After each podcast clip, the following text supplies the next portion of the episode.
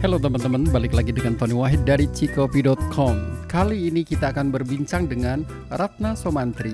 Untuk soal teh, Ratna Somantri adalah orang yang tepat untuk diajak berbincang tentang jenis minuman ini. Siapa lagi orang yang begitu punya dedikasi mempromosikan? Dan kalau boleh saya sebut, beliau adalah tea evangelisnya Indonesia. Jadi kita akan berbincang dengan Ratna Somantri tentang bagaimana tata cara atau protokol pemilihan dan penyajian teh, khususnya untuk sebuah coffee shop. Dalam podcast ini yang berlangsung hampir 45 menit lamanya. Bersama saya Tony Wahid dalam podcast episode yang ke-25 kalinya.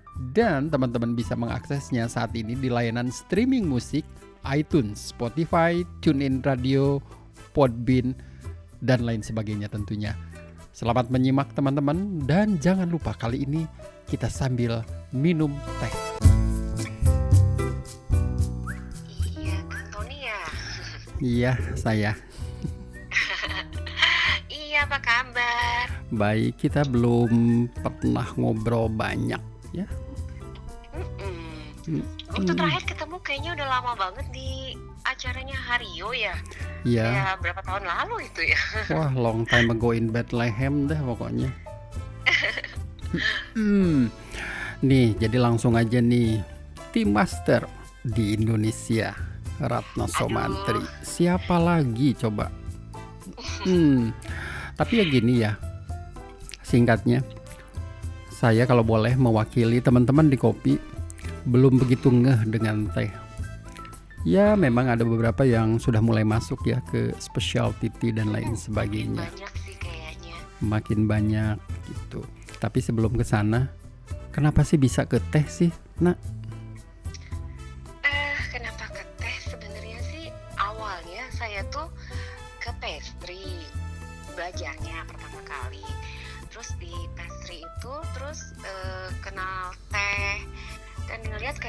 itu sesuatu yang apa ya eh, menarik banget karena ragamnya itu ada banyak banget. Plus juga cara penyeduhan itu kan eh, ternyata beragam beda-beda antara satu budaya dengan budaya lain. Jadi kita nggak cuma bicara tentang modern, tentang teknologi penyeduhan teh. Kalau di teh itu selain sesuatu yang modern, juga kaya banget sesuatu yang eh, banyak dengan unsur budayanya gitu. Jadi orang China punya caranya sendiri, orang Jepang punya caranya sendiri. Jadi eh, makin makin di makin digeluti tuh makin banyak banget hal-hal baru yang menarik dari teh sih gitu. Meskipun sebenarnya saya bukan yang strict "Ah, cuma minum teh nggak minum yang lain ya cuma teh itu sesuatu yang sangat menarik buat saya pribadi gitu waduh, itu waktu di belajar pastry kalau nggak salah di Cordon Bleu di Australia. iya jadi iya awalnya sama sekali nggak pernah berpikir masuk ke teh karena awalnya ke pastry tapi ternyata pastrinya sekarang ditinggalin malah ke teh gitu.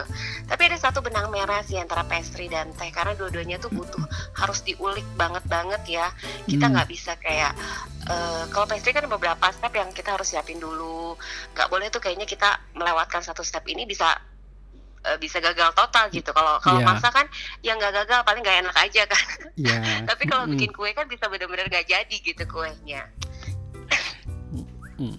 Jadi dulu berapa tahun tuh di Australia tinggal di sana sambil kuliah? ah nggak lama sih karena cuma course-nya itu kan certification itu cuma satu tahun udah selesai ya kecuali kalau memang mau ngelanjutin untuk jadi chef ya berarti harus harus eh, ambil magang di hotel atau di eh, di kitchen gitu tapi kalau certificationnya sendiri eh, sekolahnya cuma eh, satu tahun aja sih Satu tahun ya. Nah, Mm-mm. tapi seriusnya ya nak ya. Nih kalau gue panggil, panggil nama aja ya nak. iya panggil aja Kalau di kopi banyak spesialisnya. Mereka belajar di berbagai institusi atau pendidikan atau kursus dan lain sebagainya. Teh, kita kan sebetulnya negara peminum teh, betul nggak nak? Betul banget sebenarnya sih orang Indonesia lebih banyak minum teh dibanding minum kopi dalam kalau kita bicara soal quantity ya dalam arti eh, jumlah banyak berapa cup yang kita minum itu pasti lebih banyak ke teh dibanding kopi kan? Cuma karena popularitas kopi sekarang ini lagi eh, happening itu sebenarnya di, dilihat karena banyak banget coffee shop kan? Kalau tea shop tuh kan sedikit banget tapi kalau dibilang apakah orang eh, susah dapetin teh di Indonesia wah justru lebih gampang kan? Di mana-mana pasti sediain teh juga gitu. Nah, mengapa ya sampai saat ini mungkin gue sih nggak tahu ya, tapi animo masyarakat untuk mendalami teh sejauh ini gimana Nina? Nah, eh, sebenarnya menarik banget gini karena teh itu sesuatu yang udah common banget, udah biasa banget buat orang Indonesia kan. Ya ngeteh itu nggak ada se- sesuatu yang spesialnya gitu. Nah, kalau di kopi itu kan karena kopi itu mulai dengan pergerak- pergerakannya, jadi orang mulai ngulik ke kopi kan dengan ada segala eh, manual brewing lah, dengan segala peralatannya, dengan segala eh, course-course yang ada. Nah, di teh ini orang masih nganggapnya ya apaan sih yang spesial dari teh? Teh kan cuma Mm-mm. ya udah diseduh aja biasa gitu. Nah, A- hmm, apa yang spesial dari teh? Gitu. Nah itu dia yang jadi permasalahan karena terlalu terbiasa kesehari-harian dengan teh yang biasa kita minum. Jadi orang tuh menganggap ya teh tuh ya gitu aja gitu. Padahal sebenarnya sama dengan kopi dalam penyajian teh sendiri juga banyak faktor-faktor yang harus kita lihat juga.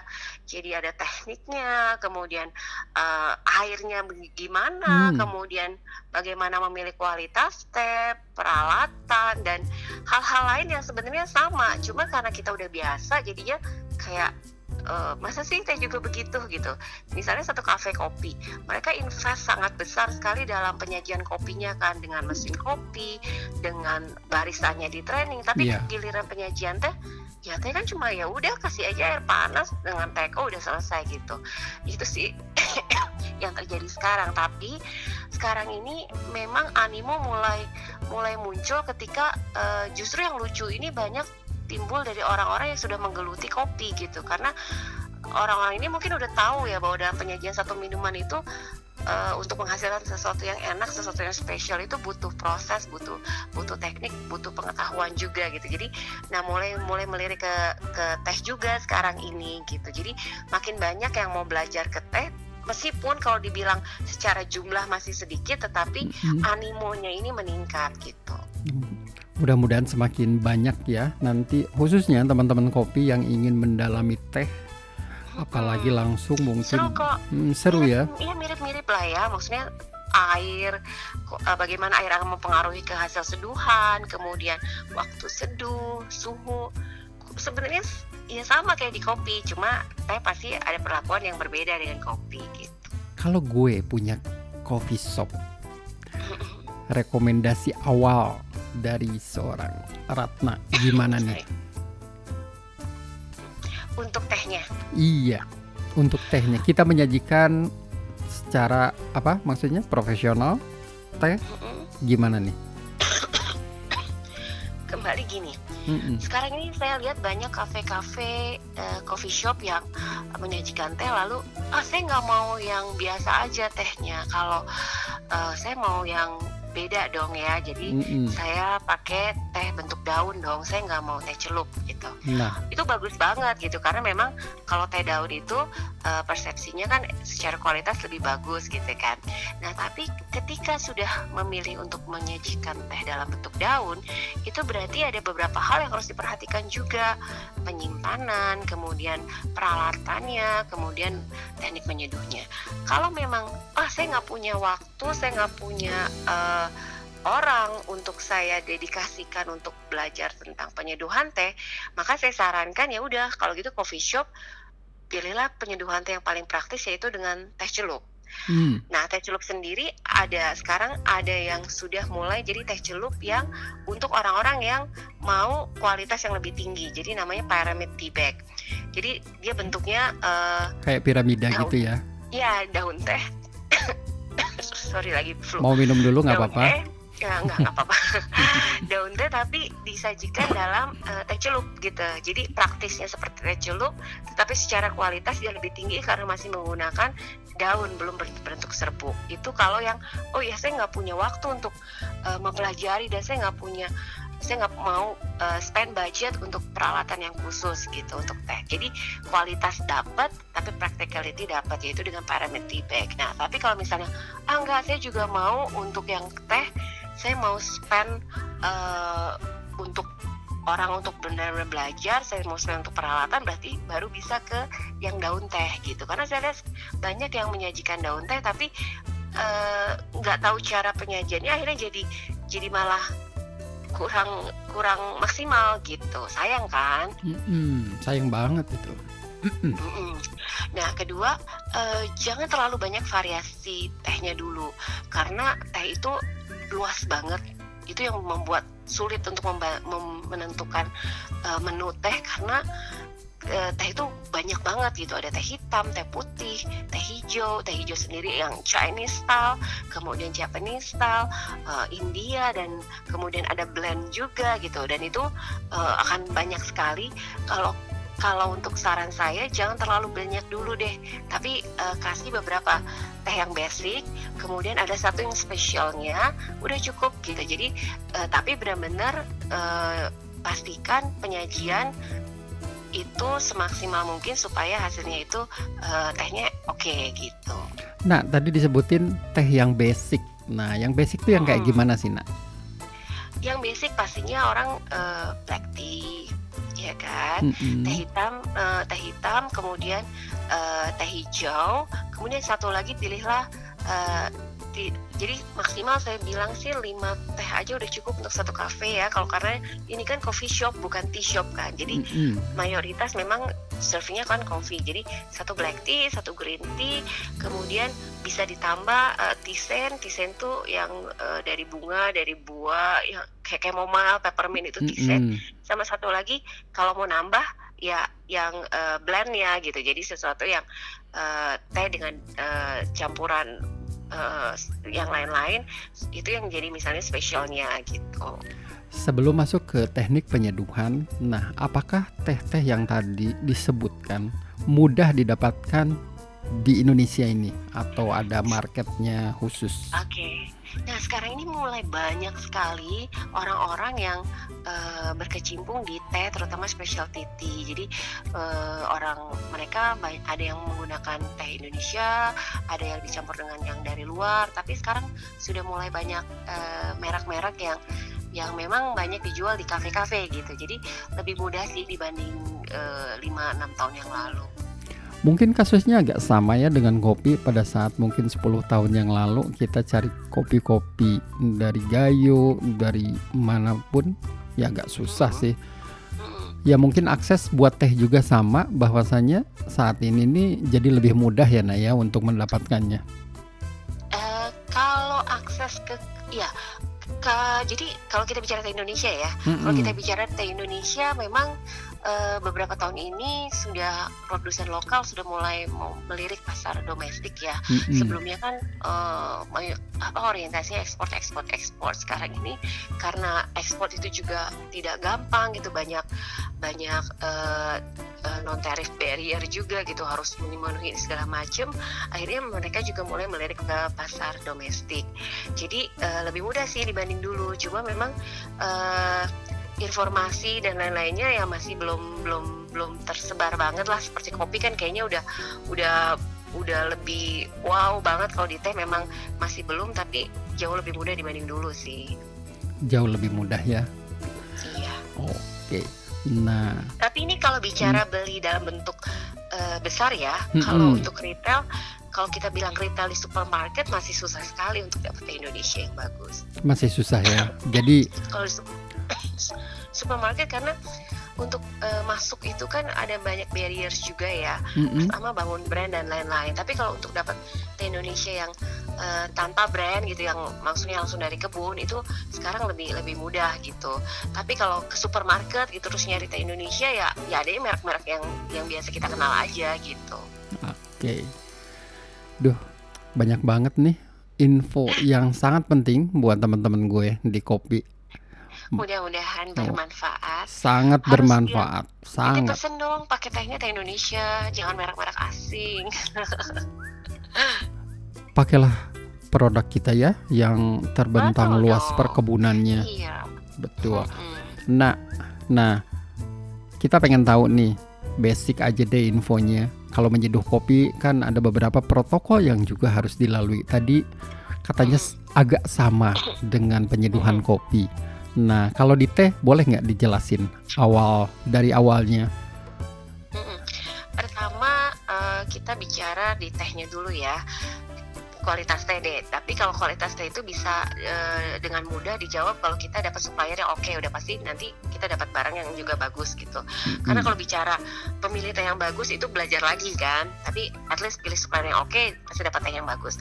Nah sekarang kita bicara setelah tehnya dari supplier nyampe berarti kan bagaimana kita eh, menyajikannya ke customer kan. Mm-mm. Yang pertama air. Sebenarnya air eh, teh itu kan sangat lembut banget ya. Jadi sebenarnya eh, air itu kan sangat menentukan sekali juga nanti bagaimana hasil eh, hasil seduhan tehnya. Tapi biar nggak ribet, saya bilang pakai aja air yang sama untuk menyeduh kopi. Karena kan itu sudah biasanya udah difilter, udah dipastikan itu bukan hard water kan. Biasanya kayak gitu Nah, ada filter khusus. Nah, yang Mm-mm. pasti bukan hard water udah udah oke lah. Gak usah pakai khusus lagi air untuk teh karena itu nanti akan terlalu ribet jadi impossible untuk dikerjakan juga kan. Jadi pakai air yang sama yang dipakai untuk menyeduh eh, kopi, tapi suhunya yang harus dipastikan. Nah, banyak di coffee shop saya perhatiin mereka pakai untuk menyeduh teh pakai suhu yang sama. Yang paling gampangnya ngambil aja dari mesin kopi yang itu panas banget kan. Iya. Padahal ada beberapa teh yang nggak boleh terlalu panas. Jadi eh, invest lah di satu teko sendiri gitu ya, eh, water boiler sendiri yang bisa suhunya di, diatur gitu. Itu khusus untuk penyeduhan teh. Jadi kan nggak mahal juga dong kalau cuma invest di satu kettle lagi kan. Karena untuk teh eh, teh hijau misalnya itu penyeduhannya sekitar 70 derajat. Kalau lebih dari itu nanti eh, agak jadi bitter, jadi kualitas aromanya itu nggak nggak maksimal gitu. Yang itu soal suhu airnya. Yang kemudian waktu seduh ini juga penting banget. Nah di kopi juga sama kan. Sama. Waktu seduh tuh Mm-mm. sampai berapa detik itu sampai kalau kopi kan sampai berapa detik juga di, Iya. diukur juga kan. Nah di teh juga sama. Karena kalau kelebihan eh, seduh waktunya kelamaan itu si teh juga nggak maksimal gitu. Jadi kok dan banyak di coffee shop coffee shop kan ya udah kasih aja ke customer nanti biar customer yang langsung tuang sendiri jadi si waktu seduh bisa ada yang cuma semenit ada yang bisa 10 menit gitu nah itu pasti hasil seduhannya beda. Jadi invest lah di di timer gitu nanti udah ada juga kan di kopi kan udah punya timer juga kan. Ada. Iya. tinggal sekarang tinggal sekarang bagaimana eh, memastikan SOP-nya memastikan eh, barista yang menyeduhkan teh juga mengukur suhu penyeduhannya. Nah bisa eh, teh itu diseduh di di counter setelah jadi baru di serve ke customer jadi sama kayak kopi kan. Yang bikin barista eh, udah jadi baru kasih ke customer. Atau bisa juga eh, ditaruh di nanti si si si customer yang akan tuang sendiri tapi udah dikasih tahu waktunya gitu ya itu kembali ke pilihan sih jadi intinya ya tetap waktu seduh itu harus di kita yang tentuin gitu bukan bukan ya ada yang semenit ada yang 10 menit terserah customer kapan nuangnya gitu Jadi wajib di- eh, kalau mau dikasihin sama customer wajib dikasih tahu sama mereka. Eh ini nanti berapa menit ya steeping time-nya gitu ya. dikasih timer jadi Kasih dikasih timer, timer. yang bu- timer yang bunyi jadi timernya di- ditaruh di mejanya si customer Oke. begitu timer yang bunyi customer suruh eh, tahu bahwa itu saatnya tehnya harus dituangkan gitu kalau memang mau karena nyeduhnya kan kadang-kadang ada ada teh hitam kan bisa tiga menit kalau mungkin waduh kayaknya kalau nunggu di counter lama mendingan langsung diseduhkan jadi eh, kembali ke nanti metodenya mau seperti apa sih kalau saya sih sarannya sebaiknya diseduhin di counter jadi begitu nyampe ke meja customer customer tinggal minum sama kayak sama kayak kalau pesen kopi gitu Oh, Oke. Nggak jauh-jauh beda amat sama kopi. Tentunya mudah sama banget sama sebenarnya banget. ya. Tidak merepotkan lah. Iya. Nah, perlu invest mesin mahal kok. Cukup eh, buat penyeduh air panas aja sama timer sama teko udah. Yang penting tuh adalah keinginan memang bahwa mau menyeduhkan teh dengan benar jadi ada SOP dalam penyeduhannya dan itu eh, terus-terusan di remind ke baristanya gitu. Dan SOP-nya juga kalau yang tadi dijelaskan sama Ratna juga nggak terlalu kayak gimana gitu kan. Di kopi sebetulnya ada beberapa metode seduh dengan berbagai alat. Kalau ini kan alatnya Iya, itu lebih lebih simple, ya. advance lagi. Ya kalau di teh saya bilang karena ini sesuatu yang early di Indonesia, saya nggak eh, saya lebih mau mempopulerkan teh itu sebagai gampang kok menyeduh teh yang baik dan hasilnya oke jadi saya nggak mau bikin ribet dulu nanti kalau udah dibikin ribet dulu orang nggak mau seduh teh kan jadi yang penting yang basic-basic itu diikutin itu udah udah pasti tehnya nggak akan jelek dulu deh gitu. tapi kalau kita mau advance oke tapi eh, ya menurut saya kalau untuk coffee shop nggak usah yang advance dulu deh kalau buat teh yang penting basic tapi oke Tuh, waduh. Makasih banget advice-nya. Tapi sama-sama sekolah teh di Indonesia di mana nak?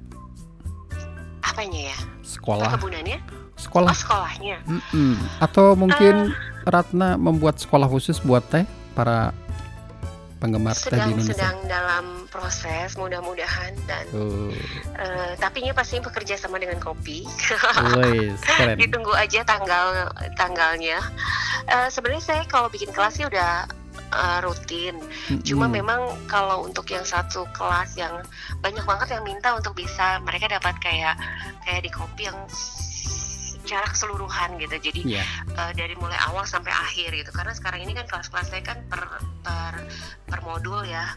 Jadi eh, basic kemudian bicara tentang blending kemudian eh, brewing gitu. Jadi belum ada yang kalau misalnya orang mau belajar secara keseluruhan itu eh, memang belum. Ini masih lagi disusun. Karena menyusun kurikulum itu kan nggak gampang lah ya gitu kita benar-benar eh, harus memastikan itu memang mencakup semuanya ketika orang mengambil itu dan ikut kelasnya tuh benar-benar mereka bisa mendapatkan eh, knowledge yang secara utuh gitu jadi eh, mudah-mudahan sih tahun ini doain aja Tahun ini ya, walaupun gue sebetulnya Iya. udah tahu sama siapa, tapi nggak usah disebutin. Kita tunggu waktunya yang tepat.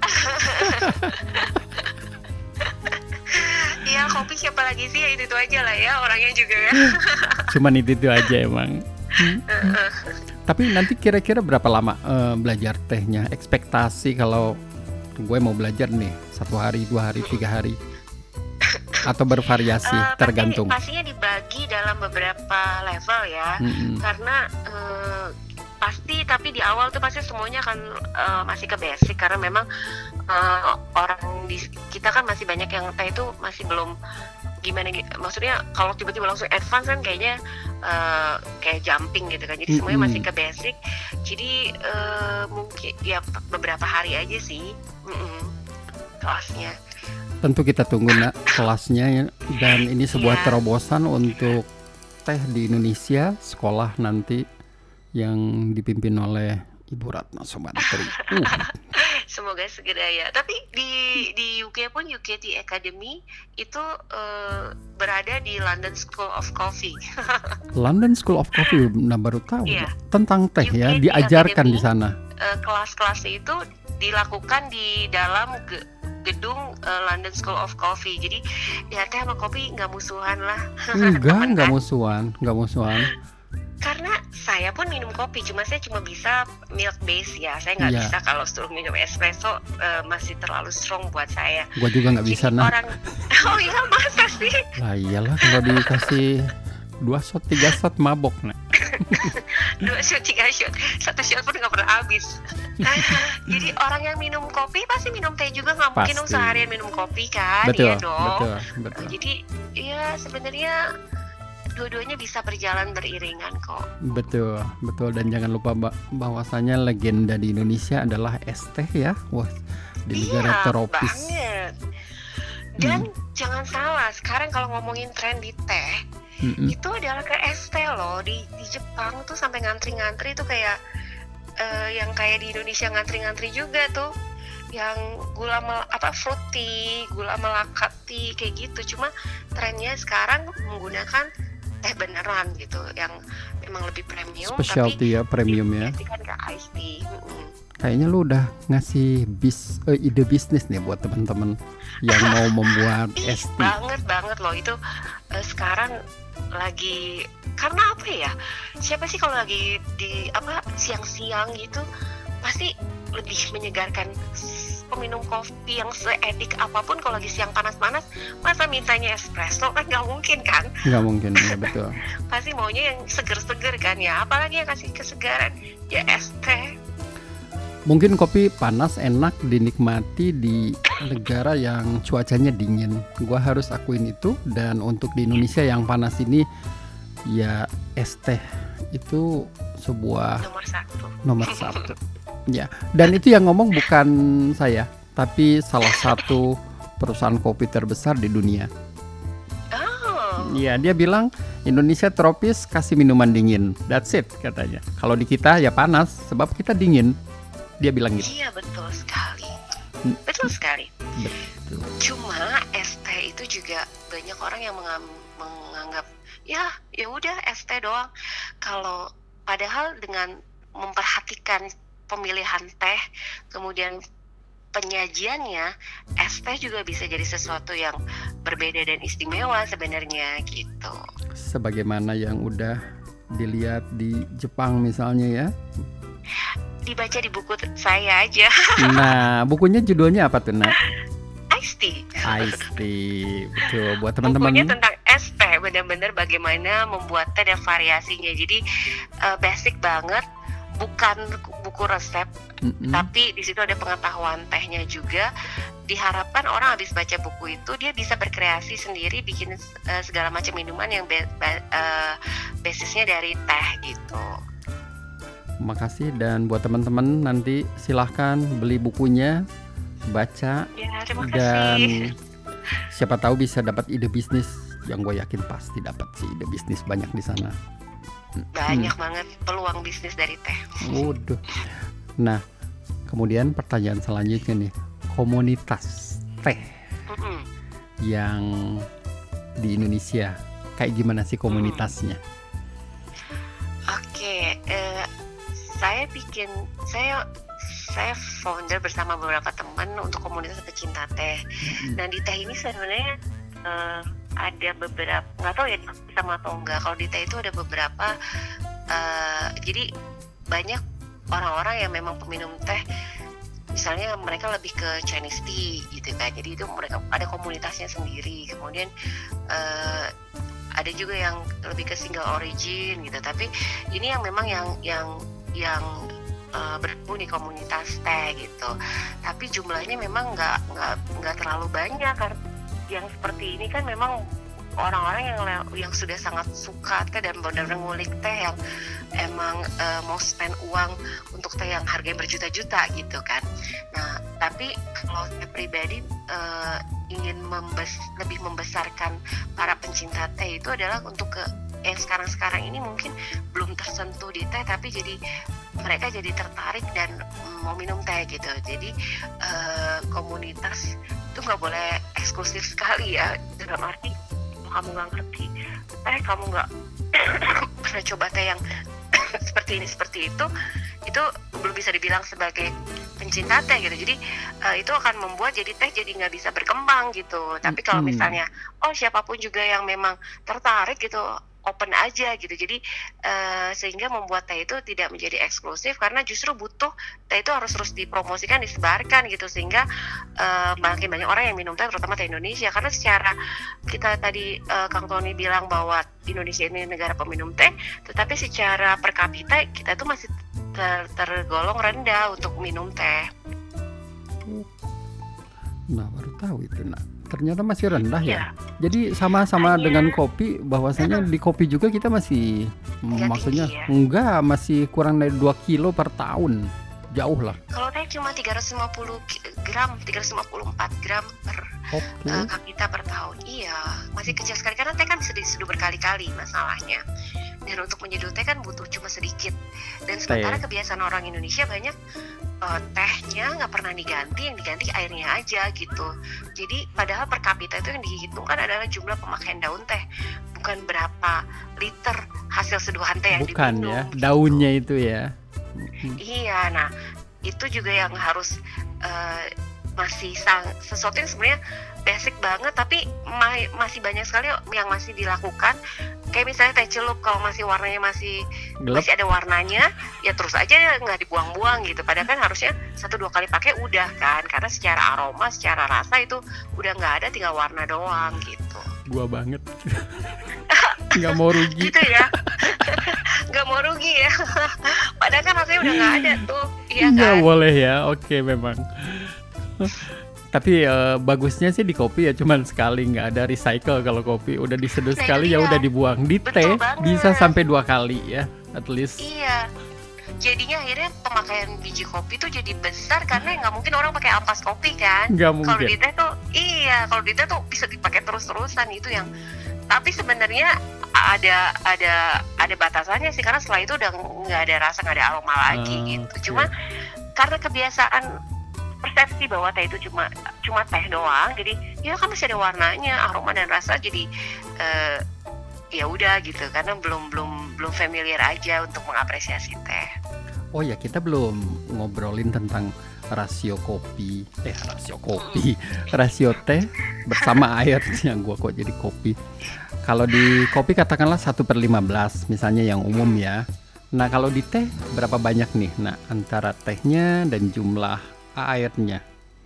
Oke, nah kalau di teh itu ada dua dua aliran sih sebenarnya. Yang satu eh, modern, sorry, Eh, yang satu lagi yang eh, Chinese way gitu ya. Jadi lebih ke ala China gitu. Kalau yang modern itu secara rasio biasanya satu satu gram teh untuk 100 ml air. Tapi penyeduhannya itu lebih lama. Jadi biasanya 2 sam eh, kalau green tea 2 3 menit, kalau black tea 3 sampai 4 menit gitu. Tapi kalau yang Chinese way itu dia rasionya untuk 100 ml air itu bisa 3 sampai 5 gram teh. Oh lebih banyak dia ya. Ya, tapi waktu seduhnya itu cuma ada cuma 20 detik sampai paling lama juga satu menit gitu. Jadi bedanya eh, rasio tehnya itu lebih besar, tapi waktu seduhnya lebih singkat Oh, gitu. Nah kalau saya, saya lebih suka menggunakan yang Chinese way ini karena ini yang lebih bisa mengekstrak aroma flavor secara maksimal gitu. Jadi eh, bagusnya itu tehnya banyak, waktu seduhnya nggak Sedikit. gitu. Jadi untuk mendapatkan hasil yang maksimal tuh bukan dengan memperlama waktu seduh, tapi adalah menambah jumlah tehnya sebenarnya. Cuma kalau di kafe-kafe jarang banget yang menggunakan eh, rasio yang Chinese way ini sih, lebih banyaknya yang ke modern karena ngitung soal cost kali ya. Padahal sebenarnya teh kan nggak mahal ya. Jadi Hmm. dari tapi rata-rata pasti 100 ml banding satu. Kalau ngikutin itu udah oke sih karena banyak juga yang kalau misalnya pakai teh celup dia eh, kayak seperti ada aturan tidak tertulis gitu satu teh celup itu dipakai untuk sekali pakai. Mau pakai teh mau pakai cangkir yang 200 ml atau mau pakai teko yang 500 ml tekonya 700 ml pokoknya teh celupnya cuma satu. Padahal kan harusnya Nggak satu bisa, teh celup ya. itu untuk 200 ml sampai 250 ml air kan. Nah kalau kayak gitu ya akhirnya jadi benar-benar cuma warna aja aroma sama rasanya nggak ada gitu info yang sangat berguna satu banding satu, at least eh satu banding 10 ya, yang tadi disebutkan. kalau untuk yang Oh, modern Western, ya ya. Mm-mm. Nah, selanjutnya Nina, kalau ke kebun kopi kan susah nih, jalannya tinggi banget, 1.500 di atas permukaan laut. Kebun teh kayak gimana suasananya? Nak? Kalau kita bandingkan dengan kebun kopi misalnya. sebenarnya eh, sama ya kalau ke kebun. Masalah tuh adalah di infrastrukturnya ke sana tuh biasanya jalannya suka Susah ya. eh, susah karena kan pasti di pegunungan juga ya. Mm. tapi perkebunan teh itu sendiri kan ada yang eh, dataran rendah kemudian medium sama yang dataran tinggi kan. Nah kalau yang dataran rendah lebih mudah diakses. Misalnya kayak kayak kalau kita mau ke puncak itu kan udah banyak kebun teh kan Puncak itu masih masuk dalam klasifikasi Eh, rendah. rendah ada yang rendah ada yang tinggi sih Oke. puncaknya tapi kalau yang kita lewatin di jalan kan masih belum tinggi banget kan itu biasanya cuma Oh. 600 meter di Mm. permukaan laut itu masih masuknya sebagai dataran rendah Nah, 600 sampai 900 itu dataran rendah 900 sampai 1100 tuh medium dan di atas 1100 itu udah masuknya ke dataran tinggi udah ke kebun teh mana aja nih yang paling jauh, Nak? paling jauh kayu aro ya karena dia benar-benar aksesnya kalau dari Padang sendiri 7 jam kalau dari Jambi 10 jam Oh, oh. Eh, kecuali kalau mau naik pesawat kecil gitu bisa mendarat Mhm. di deket situ cuma nggak berani naik pesawat kecil paling jauh sih itu sih kayu aro yang lain ya ke kayak ke Liki gitu masih di Kerinci juga tapi dia kan sekitar 4 jam 5 jam dari Padang masih oke lah tapi kayu aro itu bener-bener jauh sekali Waduh. Tapi feelingnya gimana ya? Beda nggak tuh? Udah pas sampai di sana ngelihat kebun Oh, teh. Waduh. Dengan cuaca. ke kebun teh itu nggak boleh nggak bisa nggak bisa kecil ya kalau kebun kopi kan bisa kecil karena nanti biji kopinya bisa dikumpulin dulu ya Mm-mm. kalau daun teh itu kan begitu dipetik dia harus langsung diolah nggak boleh terlalu jauh dari pabrik pengolahan. Jadi dan eh, yang di- jadi kalau misalnya kebunnya terlalu kecil jadi nggak karena petik sedikit langsung harus eh, olah. Nanti nunggu si eh, pucuknya itu muncul kembali berarti ada jeda dong pabriknya. Jadi akhirnya dibuat besar karena ketika ini dipetik kemudian diolah besok terus digilir. Jadi pas balik lagi ke titik yang sama itu si pucuk daun teh sudah sudah sudah tumbuh lagi gitu. Jadi harus luas kan. Bayangin seluas semuanya itu adalah hijau gitu. Itu eh, bagus banget sih. Jadi pemandangannya banget. Jadi beberapa kali saya sampaikan melihat ke teh itu jangan cuma lihat dari berapa sih devisa yang dihasilin di teh tapi lihat juga dong perkebunan teh itu kalau sampai itu sesuatu yang aset yang yang kita warisi dari Belanda karena mayoritas kebun teh Indonesia kan warisan dari Belanda kan jadi harus dijaga supaya teh Indonesia itu tetap tetap bisa terus berproduksi dan kebun tehnya itu tetap ada gitu karena bagus banget Dan eh, perkebunan mana yang paling banyak dikenal di dunia sebagai salah satu specialty teh di Indonesia? Nah, eh kalau di dunia sih memang per- teh Indonesia itu saat ini secara brand masih tidak sebagus kopi ya. karena mayoritas teh yang dijual itu adalah untuk di bahan campuran teh kan Hmm, sehingga tidak dikenal sebagai satu single origin gitu jadi orang oke. tidak tahu uh, source-nya kebunnya dari mana. Tapi kalau zaman dulu ketika uh, dulu itu perkebunan-perkebunan teh yang terkenal ya di Indonesia contohnya kayu aro, kemudian uh, Malabar gitu. Nah, para trader-trader teh dunia tahu nama kebun-kebun ini. Tapi kalau orang awam gitu yang peminum teh biasa gitu di luar uh, nggak nggak nggak ngeh karena yang tahu itu adalah para uh, trader yang membeli gitu.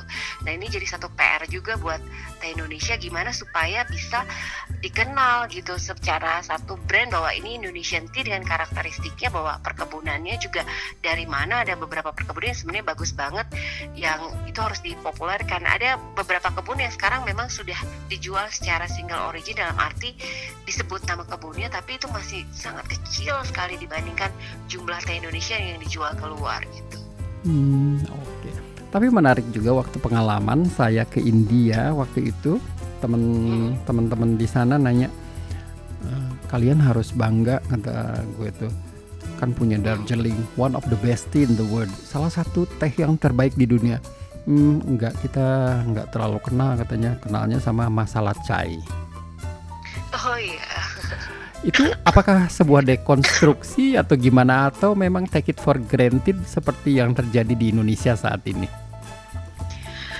Eh, kalau saya bilang India dan Indonesia itu agak mirip dalam arti sejarahnya. Eh, teh ditanam di India adalah oleh orang Inggris Mm-mm. karena pada saat itu komoditas teh eh, sedang happening mahal. Orang Inggris ada peminum teh besar yang dulunya dia import banyak sekali dari China. Jadi mereka mau punya kebun sendiri karena secara ekonomi waktu itu mereka defisit. Mereka harus ya intinya gitu deh ujung-ujungnya adalah bicara tentang eh, ekonomi juga ya. Jadi mereka tanam teh di India eh bukan teh itu originally sebagai budaya dari Indianya sendiri gitu. Hmm, Be- berbeda dengan di China di mana teh itu di- dibawa masuk eh, memang asalnya dari China dan mulai berkembang dari kerajaan dulu gitu. Di Jepang sama lewat biksu-biksu kemudian ke kalangan elit dulu baru kalangan orang biasa baru bisa minum teh gitu.